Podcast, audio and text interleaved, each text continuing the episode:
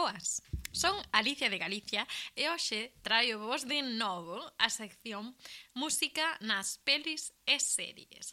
E hoxe, como é o día do libro, presento vos series baseadas en libros que me gustaron.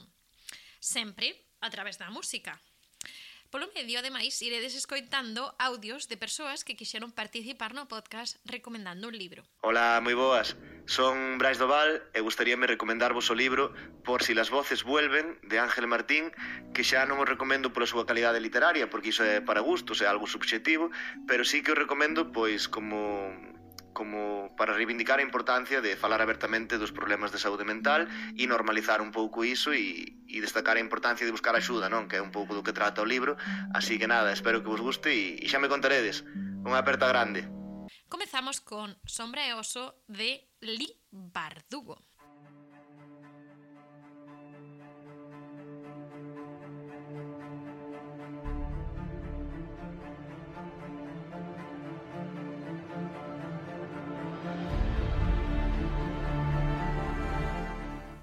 Escoitamos música moi épica e instrumental interpretada pola Budapest Art Orchestra.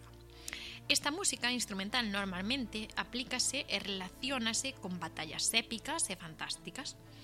Nesta serie vemos a Alina Starkov que non espera moito da vida.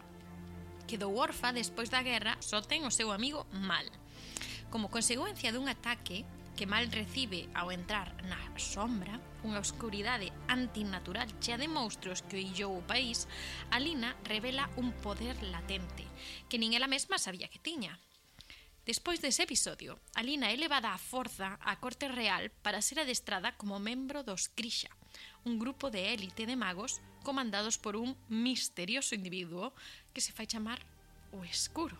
Aquí temos otra recomendación. Hola a todos, yo quería recomendar la saga de Iria G. Parente y Selene M. Pascual, que está formada por cinco libros: Sueños de Piedra, Títeres de la Magia, Ladrones de Libertad, Jaulas de Sede y Reinos de Cristal. Es una saga que ya están todos publicados. Aunque forman parte del mismo mundo, son novelas totalmente independientes unas de otras y es en el último cuando se unen las historias. ¿no? La saga va sobre un mundo de fantasía, tiene toques de magia, pero sobre todo, sobre todo tiene unos personajes muy carismáticos y las relaciones entre ellos son las que te roban el corazón desde la primera página. Mm, son unos libros que te hacen reír, te hacen llorar, te hacen emocionarte y merecen mucho, mucho la pena. Eu, de feito, coñecín a estas autoras gracias á Muller do Audio e estarilles sempre eternamente agradecida por esta saga maravilia. Escoitei os audiolibros, están todos en Audible, menos o último, pero xa yo pedín as autoras por Twitter, o sea que están en proceso. E responderonme, o sea, eh, fangel máxima. E o meu amor por estos libros foi instantáneo. De amor, precisamente, vai tamén The One de John Mars. Mess me up, yeah, but no one does it better. There's nothing better. That's just the way you make me feel. That's just the way you make me feel. Make Me Feel, Faime Sentir de Janelle Monae. Esta canción ten moito que ver ca serie. Nela, un simple isopo bucal é todo o que se necesita unha proba rápida de ADN para topar a túa parella perfecta, para que estás xenéticamente creado. Unha década despois de que os científicos descubrisen que todos teñen un xen que comparten con outra persoa, millóns de persoas pasaron a proba, desesperados por atopar o verdadeiro amor en The One. É como un medio Tinder, fundada por a ambiciosa Rebecca. Agora, cinco persoas máis coñecen o seu máis, o seu match. Perdón. Pero outras almas xemelas teñen segredos e algúns son máis impactantes e mortais que outros. Mm -hmm. Moi bo día, son Martiño Noriega e hoxe é para min un placer neste día do libro eh, poder recomendar pois, eh, un traballo que a min me ten impactado moito eh, nas últimas semanas, que é un libro de poesía O autor chamase Orlando Mondragón, eh, é un autor chileno, eh, pero que tamén é ao mesmo tempo un, un ciruxano, eh, un médico, unha persoa necesaria nestes tempos que, que corren e que ten gañado pois, o, o Premio Loe Fundación eh, da colección Visor de, de Poesía e por eso editou esta obra, Cuadernos de Patología Humana, eh, con, con Visor recentemente eh, coido que é un libro que é capaz de levar o, o feito poético a, a medicina, non? E a todo o que supón sanar, pero tamén sufrir coa xente que o está a pasar eh, mal. E para mostra, pois, eh, este extracto de, de un poema que se chama Suturas, eh, que di, eh, luego de los gritos, un breve silencio, aunque puede ser largo, puede durar toda la vida, el silencio, callarnos antes de poder llorar a todo pulmón. Para min é un placer hoxe estar aquí recomendando este, este traballo, estar aquí neste programa da Nova Realidade e tamén poder compartir un anaquiño de tempo eh, co gran Iván Turis. Así que nada, ted un bo día e non esquezades que os libros eh, son importantes tamén para respirar como pan para comer. Bo día. Aquí temos outra recomendación. Adiante. O libro chamase Mal de altura, é do escritor John Krakauer que é tamén o que fixo hacia rutas salvajes, que ten unha película e que a película é bastante coñecida. Eh, Mal de altura, en concreto, vai dun periodista que é o propio escritor John Krakauer ao que se ofrece subir o Everest e decide facer un artigo e coas historias e as penurias que pasan facendo eh, a escalada do Everest Ao final, en vez de facer só un artigo, fixo un libro do ano 96, penso, por aí, moi, moi, moi polémico. E de feito ten unha peli do ano 2015, máis ou menos, que se chama Everest. Este libro eu non o lín, pero soame unha historia, como di esta rapaza, de penurias. Penurias como as desta serie titulada O conto da criada de Margaret Atwood. Don't try to change me in any way. You don't own me. Don't tie me down, cause I'd never stay. You don't own me. Non che pertenezo, di a canción de Leslie Gore. Aquí contanos nun futuro distópico, onde se implantou unha dictadura fundamentalista. Unha moza vese obrigada a vivir como concubina para darlle fillos ao seu señor. De feito, chamana de Fred, porque Fred é o seu señor, entonces ela é de Fred. Bueno, ela e todas as concubinas. Despois do asesinato do presidente dos Estados Unidos e da maioría do Congreso, establecese no país un réxime teocrático baseado nos valores puritanos máis estrictos. Os Estados Unidos de América, a partir dese momento, pasaron a ser coñecidos como a República de Gilead. Nesta nova sociedade, a maioría dos valores occidentais modernos desterrados. A muller pasa ao segundo plano, sendo prácticamente un obxecto cuxo único valor está nos seus ovarios, xa que hai un problema de fertilidade en Gilead. De aí o de You Don't Own Me, porque é como que fala a protagonista, que era o seu señor. E aquí temos outra recomendación. Hola, son Gabriel Fuentes de Acouga e gustaríame recomendarvos un libro moi curioso. Se che gusta o thriller policial, a novela negra ou a medicina legal e forense en xeral, este libro é o teu. Lo que cuentan los muertos, de Luis Frontela. Un libro en que o autor aborda casos reais onde el mesmo foi forense nos anos 80, 90 e que nos conta pois as luces e as sombras da medicina legal, que nos conta as curiosidades internas destes procesos criminolóxicos e que tamén pois o aborda dende un punto de vista científico, sempre con a calidade literaria moi interesante. Así que se queres ler algo diferente, que che aporte unha mirada máis incisiva sobre estes thrillers policiais que tanto nos enganchan, botalle un ollo a Lo que cuentan los muertos, de Luis Frontela. Hola, son Carlos. Hoxe veño vos recomendar un libro. Creo que non vai ser un libro o típico libro que se recomenda, porque vai ser unha, un libro de non ficción, eh, titúlase The Mom Test, de Rob Fitzpatrick. É un libro curtiño que trata sobre mm, como podemos mellorar a hora de facer preguntas que realmente sexan útiles, especialmente no ámbito emprendedor. É dicir, de que maneira temos que falar cos clientes para obter moi bo feedback que nos axude a mellorar o produto ou o servizo que estemos intentando vender. De todos xeitos, creo que é moi aplicable para todas as situacións, non solamente no ámbito dunha empresa, senón tamén no ámbito de amigos, relacións, familia. As perspectivas que se poden obter do libro, a verdade é que son super interesantes. Recoméndovolo. O libro está en inglés, e podes adquirir por 10 dólares, que son uns 8 euros aproximadamente, buscando en internet The Band Test de Rob Fitzpatrick. Unha aperta a todos e espero que vos guste. Que interesante recomendación, a verdade. E como vedes, comenta que tamén serve para o ámbito das amizades. Amizades, como as que se ven nesta serie, o baile dos lucecús de Kristin Hanna.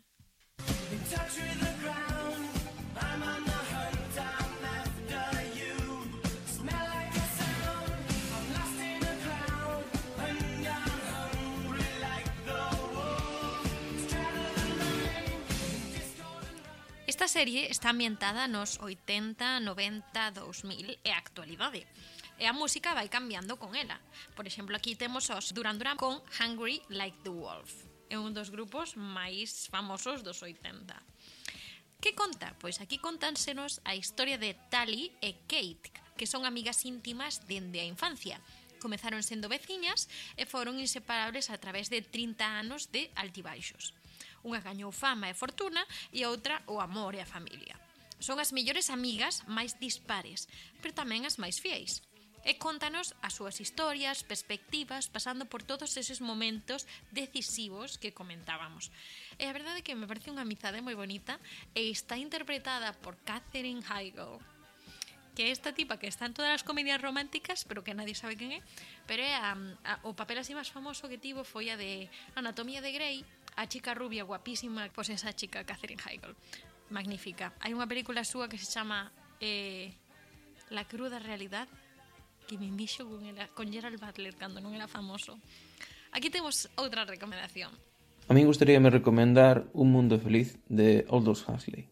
É unha lectura que te fai reflexionar acerca de cara onde vai a sociedade Ata que punto estamos dispostos a sacrificar a nosa liberdade con tal de conseguir a felicidade? No mundo distópico que presenta o autor inglés na novela de 1932, os conceptos como o amor, o romanticismo, a alma ou fé non existen e a liberdade enténdese relacionada coa felicidade e o prazer que cada individuo obtén ao facer aquilo para o que foi condicionado. Un mundo feliz eu de feito el lino para, para o instituto Había unha profesora que nos poñía puntos extra por ler libros e facer exposicións. Un amigo meu leuse La Regenta, Eu dixen, cale o máis curto, pois un mundo feliz. Eh, por iso lín un mundo feliz. Pero bueno, moi chulo. Eh, un mundo distópico, coméntanos aquí. Como o que tamén vemos na serie Fundación de Isaac Asimov.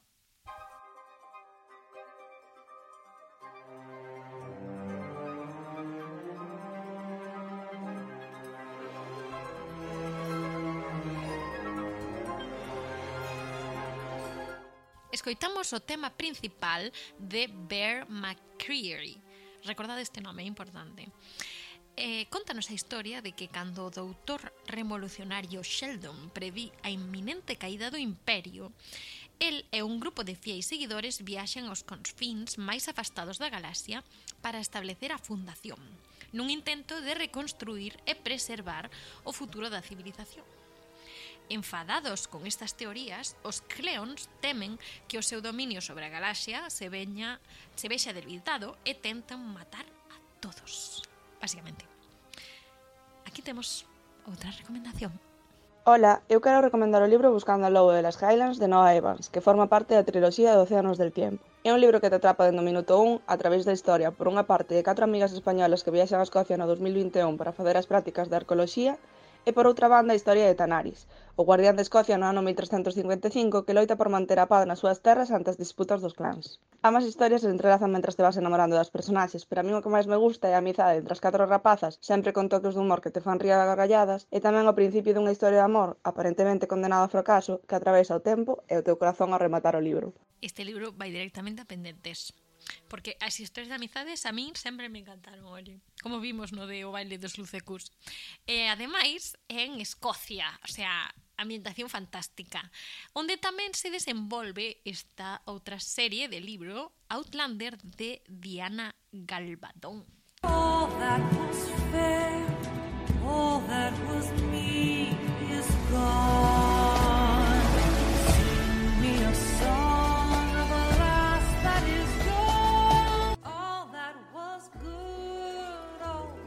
was fair, all that was me's God.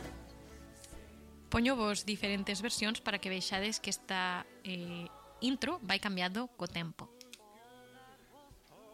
Was fair.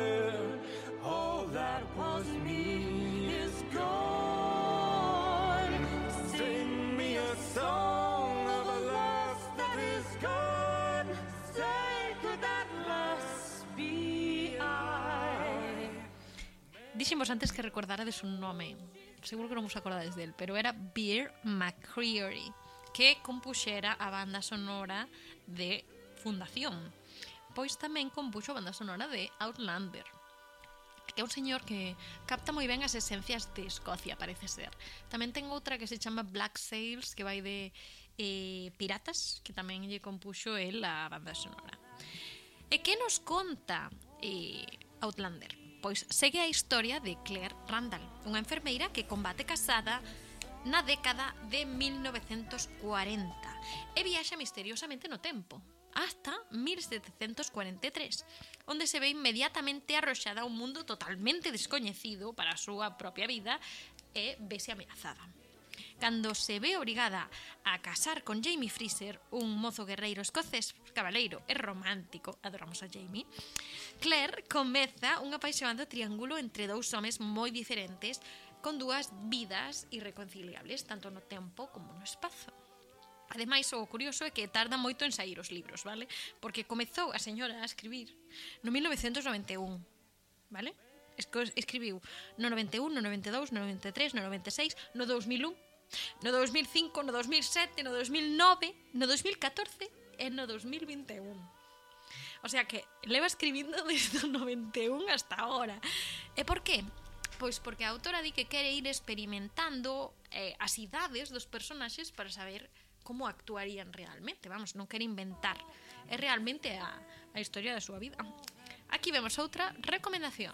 Bueno, Alicia, a falta de uno, te recomiendo dos libros. Bueno, el primero es el último que me leí, que se llama It Ends With Us, de Colin Hoover, creo que es. Y bueno, yo lo vi porque lo recomendaron por TikTok como un libro súper triste y toda, toda la pesca. Cuando una chica, Lily, que tiene 24 años, vive en Boston, está independizada con una compañera de piso, porque sola no te puedes independizar, o sea, bastante realista en ese sentido. Y esta chica, que tiene un pasado turbio porque el padre era un maltratador, se encuentra en una situación rara, por así decirlo, con otro chico y va sobre esa relación, ¿no? Y la verdad es que es una novela simple, no, no es de estas que, yo qué sé, no es un orgullo y prejuicio. Es rapidita de leer y para evadirte está súper bien. Y la verdad es que no la encontraba tan triste como, como decían en el TikTok donde lo vi, pero sí que es verdad que aun siendo una lectura fácil y que no es que use, no sea muy literata, no sé si qué se dice así o no, tiene una manera de que te enganches con los personajes, de que empatices tanto, porque es algo como bastante real, que hay ciertos momentos que duelen, ¿no? Que le duelen al protagonista y te duelen a ti como lectora, porque te, te identificas bastante. La verdad está muy chulo el tema que, el tema tan duro que plasma y cómo lo hace. No sé, no, no me explico muy bien, o sea, ¿tú te vas a escribir? Va poco. Y el otro que te iba a decir es un manga, trata de un tema como es el duelo, sea, es una chica también de la misma, entre la veintena, treintena de años, que se entera de que su mejor amiga de la, de la adolescencia se ha suicidado. La acompañas a ella en su proceso de, de duelo. Vale, recomendacións polo que parece que, eso para chorar O sea, non sei como esta persoa chegou a "Mm, Vou a buscar en TikTok libros para chorar E o que lle recomendan non lle parece suficientemente triste Eu, bueno, se queredes chorar, aquí tedes unha recomendación fantástica. E falando de mangas, outro manga levado á pantalla foi o primeiro anime que me encantou, que se titula Death Note de Shugumi Ohba. E temos aquí o meu compañeiro que tamén lle encantou este anime. Está facendo o símbolo este de rock. Uh!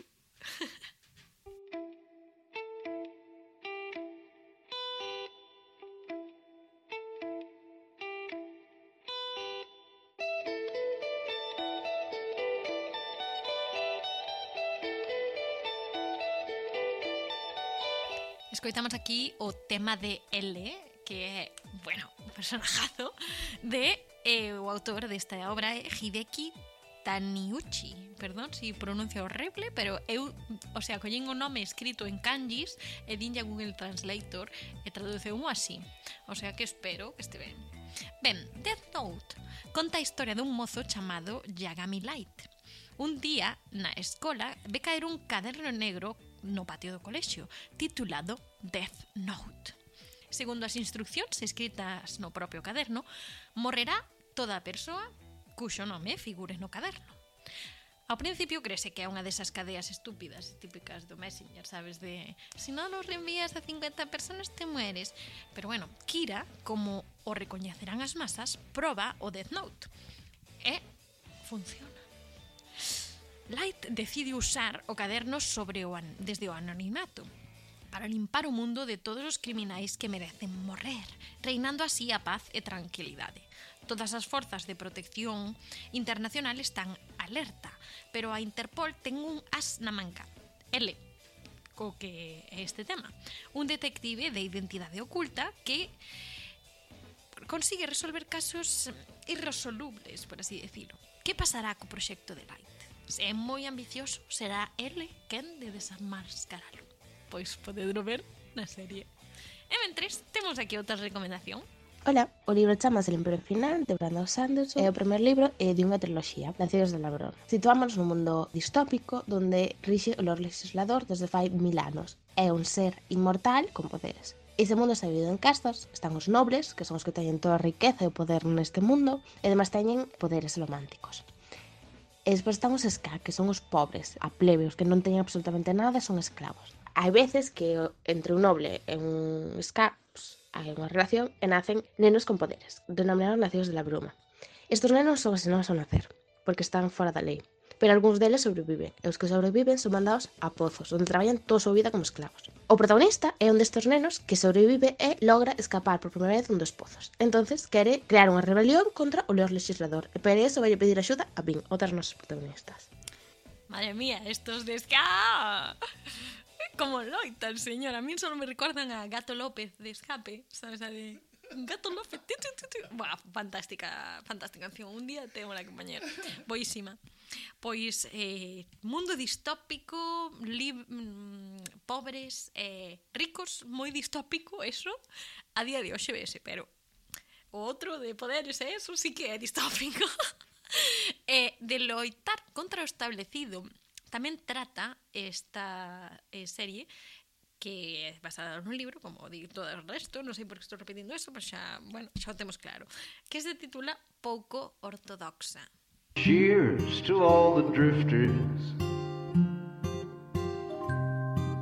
the lost and the insane. Escoitamos There's a Fire de Digger Barnes.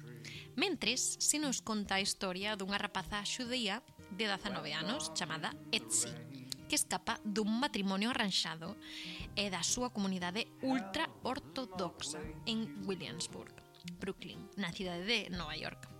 E múdase a Berlín porque quere entrar nun conservatorio de música.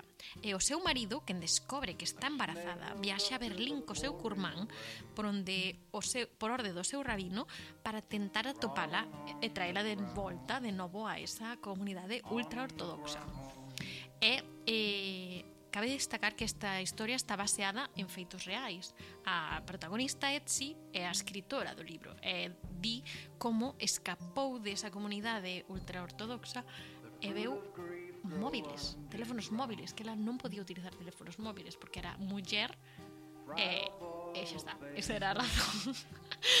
e, bueno, en fin, eh, a miña nai impactoulle moito esta, esta serie, a min tamén, pero bueno, cabe que decir que a miña nai non se impacta demasiado e isto quedouse flipando.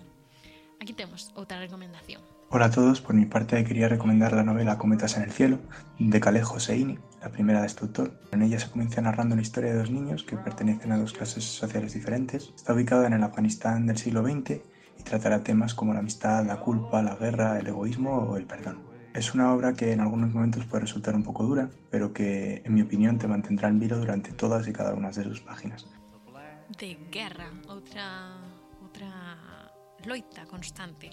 E, aínda que doutro xeito tamén trata esta serie, Dopsic. Wayfaring stranger Traveling through this world below Escoitamos a Johnny Cash con Warfighting Stranger. Cabe destacar que eu esta canción non a coñecín coño a min Cash, coñecina con a película de Alabama Monroe que vai sobre unha tribu de cantautores e canta unha unha versión desta canción é preciosa tamén, pero Johnny como que a mí este señor sempre me recorda como que está chorando. Ten outra canción que se chama, se chama, perdón, Heart e doe, o sea, literalmente doe esa canción. E bueno, en, aparecen Dopsic, que é unha miniserie que transporta os espectadores ao epicentro da loita entre a adición dos opiáceos nos Estados Unidos e as farmacéuticas. Dende unha sala de xuntas de Purdue Pharma, que é unha das farmacéuticas máis importantes en Virxinia, pasando polas oficinas da DEA, que para os que non estén familiarizados con este término, ve de Breaking Bad, e xa estaredes familiarizadísimos, é con a zona da policía que se encarga do control antidrogas. Ve de Breaking Bad, nunca é tarde. Por certo, espera un segundo, que estou vendo agora Peter Call Saul, que é o spin-off de Breaking Bad, guachísimo, o sea, fantástico. Outra recomendación. O libro do que quero falar non é exactamente un libro, senón un manga titulado Aono Flag, cuxo protagonista é Taichi Chinose, un rapaz reservado que vai ao instituto que comparte clásico que foi o seu mellor amigo, Toma, o rapaz máis popular. A historia comeza un día no que unha rapaza tímida chamada Futaba acérquese a Taichi para que a axude a conquistar a Toma. Así, os dous rapaces retomarán a súa relación e veremos por que eh, se distanciaron nun primeiro momento e como é a súa nova relación con Futaba de por medio pero este manga non xira tanto en torno á relación entre os personaxes, senón que trata dos propios personaxes e os seus, pro e os seus problemas característicos da adolescencia, como pode ser a búsqueda da identidade propia e da liberdade ou o conflicto entre as expectativas que os seus pais ou a sociedade teñen sobre eles e o seu futuro e o que realmente queren facer da súa vida, e o estrés que este conflicto lles provoca ao estar no último curso do instituto. Este manga, esta persoa que está recomendando, eh, mandou un enlace para que o lea porque di que o recomenda mil veces e que ninguén lle fai caso así que por favor facedelle caso o intes ademais a temática ten un, un, a min chamame moitísimo a atención e deste tipo de temática adolescente sacada dun manga tamén temos unha serie que sacou Netflix agora adaptada, pero que houve outra antes da miña época adolescente, que se chama Destino, la saga Wings de Iginio Straffi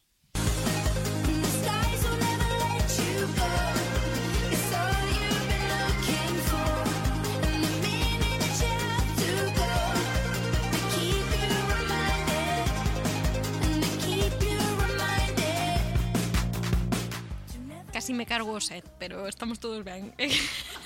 que me puxen a bailar e dincha lámpara, en fin, unha locura.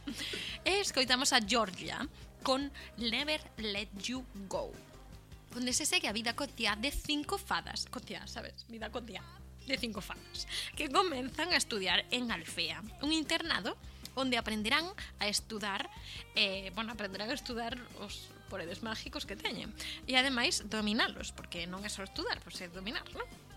E afrontar problemas máis terreais como o amor, a rivalidade, os monstruos que ameazan a vida cotiá. De verdad, non a vida cotiá de fadas. Aquí temos outra recomendación. Hola, o libro que eu vos quería recomendar en realidade son dous, é unha duología, Arenas de Araguilla. O primeiro é e a la caza del fuego e o segundo liberamos las estrellas. Antigua Arabia, magia, unha muller que se fai pasar un, por un home para poder cazar e alimentar a seu povo, un príncipe que vive para matar por orden do pai a todo aquel que se opón a él, magia perdida, pero non é só a búsqueda da magia para devolver esta magia, a loita para saber quenes son, para loitar contra aqueles que lle obliga a ser outra cousa, que lles impón o que se supón que deben ser e que eles en realidade non queren ser. É un grupo de xente incomprendida que se dispón a devolver a magia a un califato que está ahora mismo en loita. É un, uns libros que son francamente boísimos e a protagonista é maravillosa, é fuerte, é independiente, é genial. encántame a pasión que demostra eh, comentando este libro. Así que todos salelo. E eh, despois comentámolo. Eh, aquí o meu compañero aprendeu a nova palabra, duología, que non a coñecía. Así que, mira, vocabulario todo neste programa. Eh, se vos gusta a maxia e eh, o non querer conseguir co establecido, como nos comenta a nosa falante, temos un videoxogo, pero tamén un libro, e despois unha serie chamada The Witcher de Andrés Sap Koski.